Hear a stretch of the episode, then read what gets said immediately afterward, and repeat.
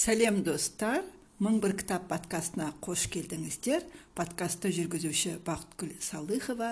Бұл подкастымда оқыған кітаптарым туралы айтып беремін. Оған қоса балалар әдебиеті туралы да сөз қозғаймыз. Бүгін сіздерге француз жазушысы анна гавальданың 35 келі үміт шығармасы туралы айтып берейін. Бұл шығарманы мен 2016 жылы оқып сол жылы қазақ тіліне аударған болатынмын. Бірақ авторлық құқық алу мәселесімен айналысуға шамам жетпей аударылған күйі әлі компьютерімде сақталып тұр.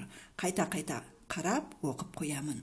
Әйтеуір бір күні жарқ ететін уақыты келер бұл кітапты сіздер қазақ тілінде оқи алмайсыздар бірақ мен мазмұнын айтып бұл шығармаға өз көзқарасымды білдірейін мүмкін сіздерге ұнап ағылшын француз не орыс тілдерінде оқып қаларсыздар сонымен 35 келі үміт деген атауды оқып ойыңызға не келді неге 35 келі 35 келі не болуы мүмкін үміттің салмағы сондай болғаны ма жалпы үміттің салмағы бар ма?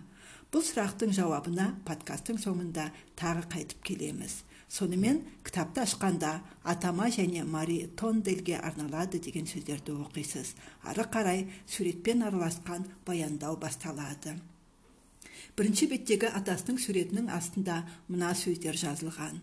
Мектепті жек көремін қатты жек көремін тіпті дүниедегі ең жек көретін нәрсем ол менің бүкіл өмірімді құртты. Қызық па? Шошып кеттіңіз бе? Сіздің осылай айтуға дәтіңіз барар ма еді? Мен жоқ дер едім. Мен мәссаған бала да осылай айта ма екен дейтін болармын. Сонан кейін біз әңгімелеп отырған баланың үш жасқа дейін бақытты өмір сүргенін естиміз. Ол түрлі ойындар ойнаған қонжық туралы мультикті қатарынан он рет көрген сурет салған грададуға арнап миллион түрлі шытырман оқиға ойлап тапқан. Грададуду деген оның сүйікті күшігі еді. Анасы оның бірнеше сағат бойы өз бөлмесінде тапжылмай отырып ойнаудан жалықпайтынын өзімен өзі сөйлесіп тынбай былдырлай беретінін айтады. Бірақ үш жарым жасында өмірінде күтпеген жерден өзгеріс болады. Ол мектепке барады. Басында мектепке бару идеясы ұнағандай болады. Жаңа киім сөмке бәрі ерекше. Бірақ біраз уақыттан кейін бармаймын деген қиғылық басталады. Анасы оны ұрсады тіпті бір рет шапалақпен тартып жібереді. Осы оқиғаны яғни оның мектепке бармаймын деп қырсыққанын ата анасы достарына тәрбиешілерге мұғалімдерге психологтарға логопедтерге және кәсіби бағдар беретін кеңесшілерге тіпті бәріне айтып шыққан еді. Ал кітапты оның 13 жастағы кезі сипатталады. 13 жаста алтыншы сыныпта оқиды. Бірақ ол екі рет бір сыныпта екінші жылға қалып кеткен. Екінші сыныпты екі рет оқыды. Енді алтыншыны да екінші рет оқып жатыр. Ары қарайғы өмірін бала былай сипаттайды. Осы мектепке бола үйімізде күнде айқай. Анам жылайды ал әкем маған айғайлайды. Немесе керісінше анам ұрсады да әкем үндемей отырады. Оларды осындай күйге түсіргеніме мен де қиналамын. Бірақ қиналғанда не істей аламын? Оларға не деймін? Мен оларға ештеңе айта алмаймын.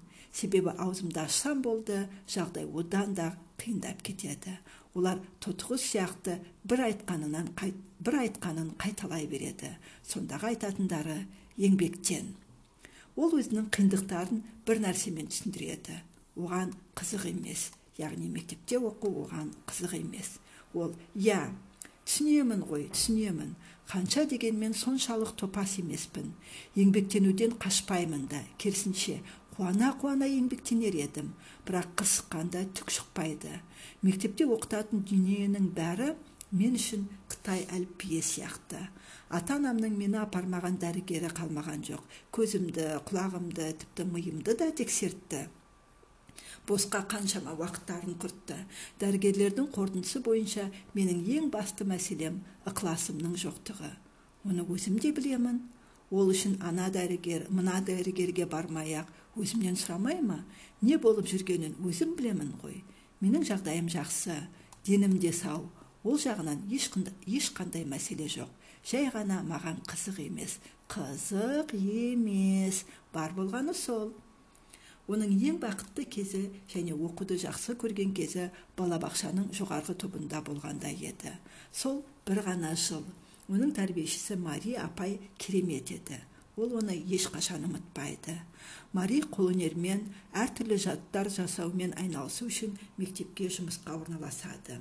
Өйткені ол осыны жақсы көретін. Мен де оны бірінші күннен бастап жақсы көрдім. Ол өзіне көйлекті өзі тігетін шемпірді тоқитын әшекей бұйымдарды да өзі жасап алатын. Біз оның тапсыруымен күн сайын үйден бірдеңе алып келетінбіз. Папье машеден жасалған кірпі сүті бар бөтелке ұстаған марғау жаңға қабығы ішіндегі тышқан зырылдауықтар суреттер аппликациялар. Ол нағыз тәрбиеші болатын. Біз маримен тек аналар мерекесінің қарсаңында ғана емес үнемі қуана жұмыс істейтінбіз. Өз қолыңмен бір нәрсе істеген күн текке өтпеген күн деп айтатын мария апайы. Қазір ойлап қараса бақытты да бейқам. Сол бір жылдан кейін оның бақытсыз күндері басталыпты. Себебі ол дәл сол кезде өте қарапайым бір нәрсені ұққан дүниедегі барлық заттың ішіндегі оған ең қызықтысы әр нәрсені жасауға қабілетті өзінің қолдары. Яғни ол өз қолдарын жақсы көретін және сол қолдарымен түрлі нәрселерді жасап шығатын. Яғни басты кейіпкеріміз барлығын өз қолымен жасағанды ұнатады. Ол оқуды тек өз қолымен жасаумен ғана байланыстырады содан рахаттанады. Осыған дейін әңгіме басты кейіпкеріміздің атынан айтылып жатқан соң оның есімін білмей отырмыз. Кітапта да мен мен деп айтылады. Ол тіпті де маңызды емес болар. Бірақ мұқият оқырман оның есімін мария апайы оған сыйлық берген кезде біліп алады. Кейіпкердің есімі грегуар ал мария апайы оған шеберлерге арналған мың түрлі іс деген қалың кітап сыйлайды. Осы әңгіме барысында біз грегуардың қатты тырысуы керек екенін және неге тырысуы керек екенін білеміз. Өйткені ол сыйлыққа берілген кітапта не жазылғанының бәрін оқуы үшін. Мария апайы оған жақсы педагогикалық мінездеме береді. Бұл баланың басы елек сияқты қолдары алтын жүрегі кең. Егер тырысса одан бірдеңе шығады деп жазыпты. Григуардың айтуынша бұл оның жұрт алдында ұстаздар тарапынан өмірінде бірінші әрі соңғы рет жылы сөз естуі еді. Григуардың мектеп туралы және ол туралы басқалардың не ойлайтыны туралы ойы да қызық. Ол былай дейді. Негізінде мен мектепті көп адамдардың ұнатпайтынын білемін. Мысалы сіз менің мектепті жақсы көресіз бе? деген сұрағыма не деп жауап берер едіңіз? Басыңызды шайқайсыз. Өйткені жақсы көрмейтініңіз түсінікті. Бұл сұраққа әсіресе кейбір жағымпаздар ғана иә деп жауап берер. Немесе күнде барып өзінің қабілетін тексергісі келіп тұратын ботаниктер ғана. Жә оны қойшы осы айтылғандарды кім шын жүрегімен жақсы көреді? Ешкім де. Ал кім шын жүрегімен жек көреді? Олар да көп емес. аз бірақ бар. Ал мен сияқтыларды жалқау миғұла деп атайды. Біздің үнемі ішіміз ауырып жүреді. Ол ата анасының қарым қатынасы туралы да айтады. Ол туралы оқу қиындау. Өйткені олар ылғи ұрысатын және себебі григуар болатын. Ол былай дейді менің ата анам бір біріне төзе алмайды. Күнде кешкісін міндетті түрде ұрысқысы келіп тұрады. Тек олар қайтып бастарын білмейді де соған мені пайдаланады. Мен өзімнің нашар бағаларыммен сыныққа сылтау тауып беремін. Бұған сен кінәлі бұған сен кінәлі дейді олар бір біріне грегуар ата анасының ұрысынан мезі болады. Тіпті оны сөзбен айтып жеткізе алмайтын еді. Әке шешесі айғай шығарған кезде ойша құлағын тарс жауып алады да дәл осы сәтте құрастырумен айналысып жатырмын деп ойлауға тырысады.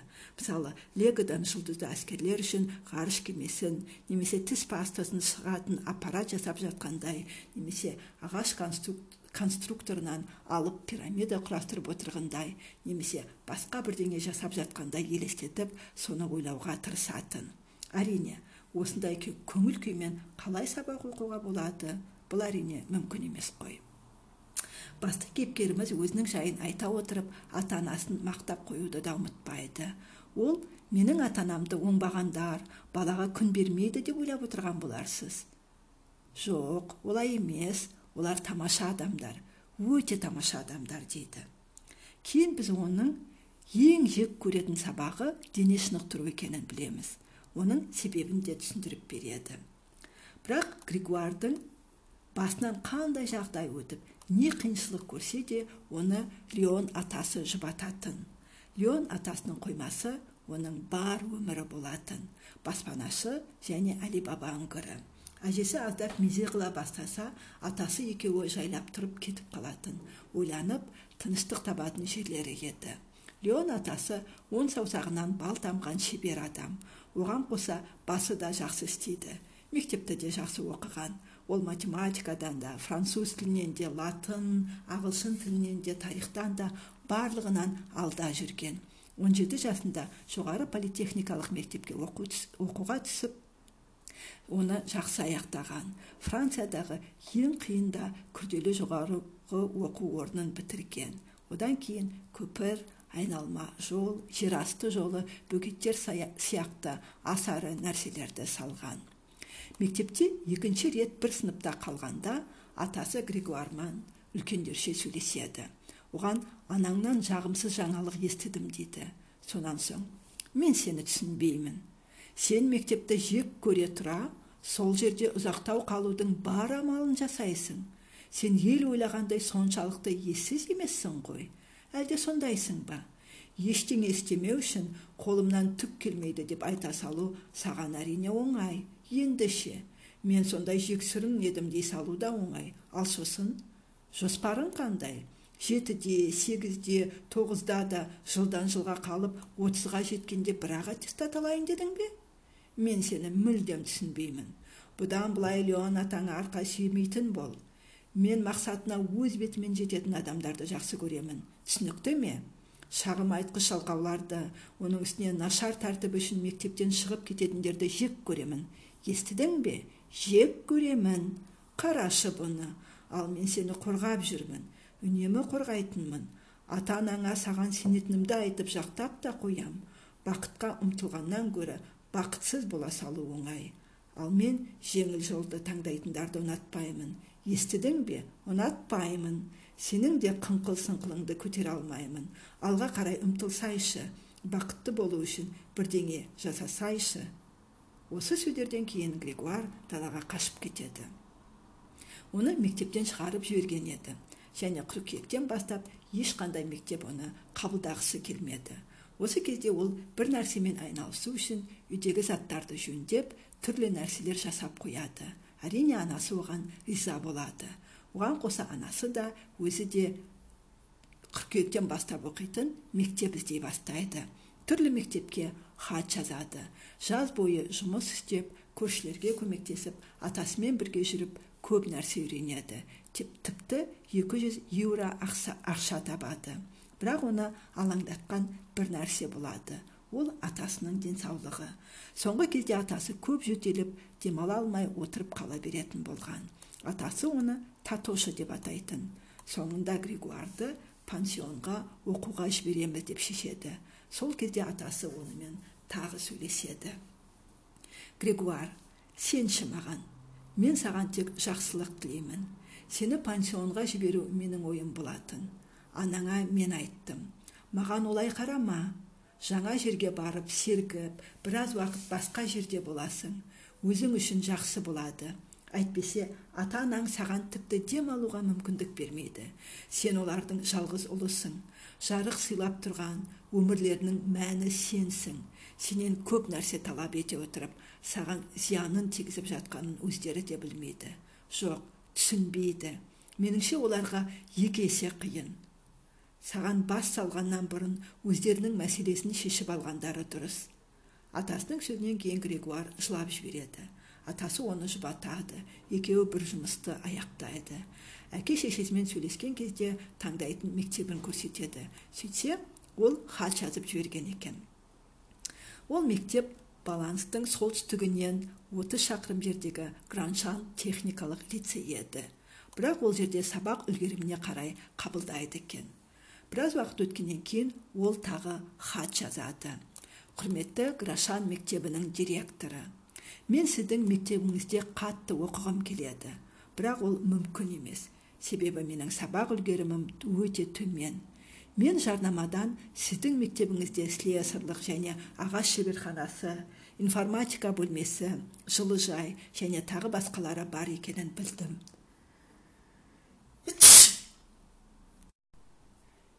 Кешірім өтінемін. Ары қарай хатты тағы бір рет оқиын. Құрметті граншан мектебінің директоры. Мен сіздің мектебіңізде қатты оқығым келеді. Бірақ ол мүмкін емес. Себебі менің сабақ үлгерімім өте төмен.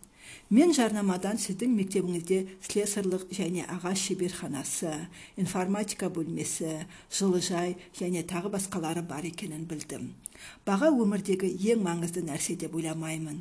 Меніңше адам өмірде өзіне не қажет екенін білгені маңызды. Сіздің мектебіңізде оқығаным дұрыс деп ойлаймын.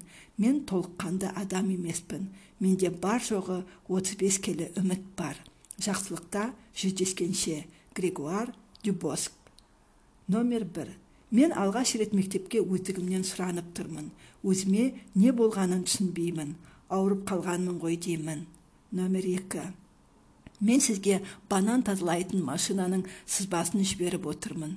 Мен мұны жеті жасымда ойлап таптым. Сөйтіп осы хатты мектепке жібереді.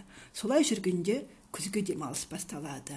Каникулдан қайтқанда оны анасы қарсы алып екі жаңалық айтады. Біріншісі жақсы оны мектепке қабылдапты бірақ ол емтихан сияқты бір нәрсе тапсыруы керек екінші жаңалығы нашар. Оның атасы ауырып қалыпты. Ол мектепке бара жатқан жолда қатты ойланып атасына өлмеші қалшы сен маған керексің шарлотта әжеге де керексің ол сенсіз қалай өмір сүреді сенсіз оған өте қиын болады мен ше өлмеші сенің өлуге құқығың жоқ. Мен әлі кішкентаймын. Сен менің өсіп келе жатқанымды көргеніңді қалаймын. Менімен сөйлесіп үлгерші. Мен енді ғана өмір сүруді бастадым. Сен маған керексің. Сен менің үйленгенімді және балаларымның болғанын көрсең деп едім. Менің балаларым саған барып отырғанын қалаймын. Балаларымда сенің ісіңді жақсы көрсе деп едім деп ойша айтады. Мектептегі балалар оны жақсы қарсы алады. Емтихан тапсырып отырғанда ол қасында атасы тұрып оған кеңес бергендей әсерде болады. Атасы оған былай істе мынаны жаз ары қарай сенің қолыңнан келеді енді мынау деп жетелеп отырады. Емтиханнан шығып үйіне келсе ешкімнің көңіл күйі жоқ. Өйткені атасы ес түссіз күйге түскен екен. Григуарды граншан мектебіне қабылдайды. Ол киімдерін жинап кетіп қалады. Атасы туралы хабар болса оған хабарлайтынын айтады. Жаңа мектепте оны жақсы қарсы алды. Сурет пен еңбек сабағында оған тең келетін ешкім болмады. Бәрі одан келіп көмек сұрайтын. Ең қиыны дене шынықтыру болды. Балалар оған күлетін бірақ табалап мазақтамайтын. Аптасына бір рет анасымен телефон арқылы сөйлесіп тұратын. Оның өмірі жаман емес еді бірақ бақытты болмады. Ол леон атасына ешқандай көмек көрсете алмайтынына қатты қынжылатын. Ол үшін тауды қопарып тастар еді. Ал атасын қолыма көтеріп алып көкірегіне қысып жер шарын айналып шығуға дайын еді. Не болса да көнер еді. Тек қана оны құтқаруға мүмкіндік болса болды. Бірақ бәрібір еш нәрсе істей алмайтын болған соң еш нәрсенің мәні жоқ еді. Тек қана күту керек. Бір күні дене шынықтыру сабағында арқанға шығу тапсырмасы болады алты жастан бастап осындай арқанға шығуға талпынса да бірде бір рет шыға алмаған еді ешқашан бірақ осы күні ол арқан байланған бағананың ұшар басына қарады да ата тыңдашы менің қолымнан келеді мен мұны сен үшін істеймін сен үшін естимісің деп сыбырлайды жайлап жылжып келе жатыр үшінші түйінге жеткенде бұдан әрі жылжи алмайтынын түсінеді. Бірақ одан да бетер тістеніп әлжуаз қолдарымен алға жылжи береді. Төртінші түйін бесінші бітті қазір жібере саламын. Бұл қолымнан келмейді. Жоқ болмайды мен сөз бердім ғой. Мен ышқына аяқтарымды қаттырақ тірей түседі. Жоқ біттім әлім келмейді. Қолдарым босай бастады. Осы кезде мен балаларды көрдім. Бүкіл сынып бағана жанында тұрды. Алыста төменде біреуі любоск мықты бол берілме алға деп айғайлады. Тағы да күшеніп тырмысуға тура келді. Тер көзімді басып кетті. Қолым жаным жатқандай. Дюбоск дюбоск дюбоск деп ышқына айғайлап жатты оны қолдаған балалар. Бірақ олардың қолдауы жеткіліксіз еді. Осы кезде ол атасымен сөйлесе бастайды. Ата қарашы бұл менмін. Мен саған өз күшімді жіберіп жатырмын. Мен саған өз ерік жігерімді жіберіп жатырмын. Бәрін ал бәрін ал. Олар менен гөрі саған керек. Өткенде сен маған біліміңмен көмектесіп едің. Ал мен саған өзімде бар нәрсемен көмектесемін.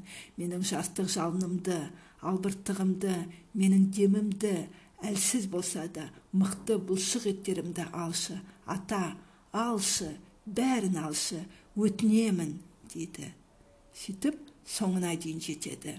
Төмен түскенде балалар оны қағып алып лақтыра бастайды. Барлығы қуанышты еді.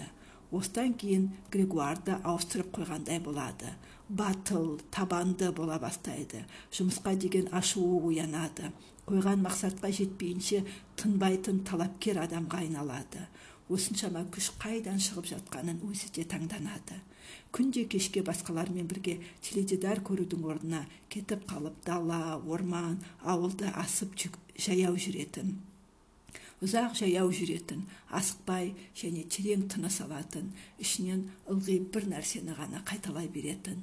Осының бәрін алшы ата мына таза ауамен тынысташы демалшы мына жер мен тұманның иісін иіскеші мен осындамын. Мен сенің өкпеңмін сенің деміңмін сенің жүрегіңмін. Мен саған көмектесемін. Бәрін алшы. Бұл қолдан дем алдыру сияқты еді. Тек қашықта жасалғаны болмаса.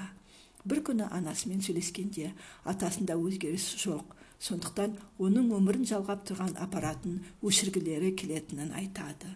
Содан кейін григуар өзгеріп шығады. Бәріне салғырт қарайды. Қалай болса солай жұмыс істеп уақытын ойынмен бос өткізе бастайды. Ешкіммен сөйлеспейді. Өмірді жек көреді. Ол үшін атасы өліп қалғандай болады. Ата анасы телефон соққанда оларға жауап бермей қояды. Бірақ бір күні қызық жағдай орын алады. Ол ұйықтап жатқанда оны тұрғызып төменге түсуін сұрайды. Сөйтсе төменде оны атасы күтіп тұр екен. Жүгіріп келе жатып кішкентай бала сияқты еңіреп жылайды. Сөйтіп осындай қуанышты хабармен кітап аяқталады. Сонымен 35 келі үміті бар григуарды түсінген боларсыздар. Ол әлемді тануға түсінуге тырысады. Оның айналасында өзін түсінуге тырысатын адамдардың болғаны оның үмітінің өшпегені қандай жақсы еді. Яғни 35 келі үміт бұл григуардың дәл өзі. Мейірімді күлкілі кейде аянышты жылататын осындай шығарманың болғаны анна гавальданың оны жазып шыққаны бізге жеткені оны оқыған адамдар бірдей болмаса да ұқсас сезімдер сезінгені жанындағыларды түсінуге тырысқандары бәрімізді мейірімді ете түседі. Сіздер де оқып өз ойларыңызбен бөліссеңіздер. Осымен мың бір кітап подкастының тағы бір шығарылымы аяқталды. Сіздермен бірге болған бақытгүл салыхова кітап оқыңыздар ойларыңызды кеңейтіп әлемді жақсарта түсіңіздер. Келесі кездескенше.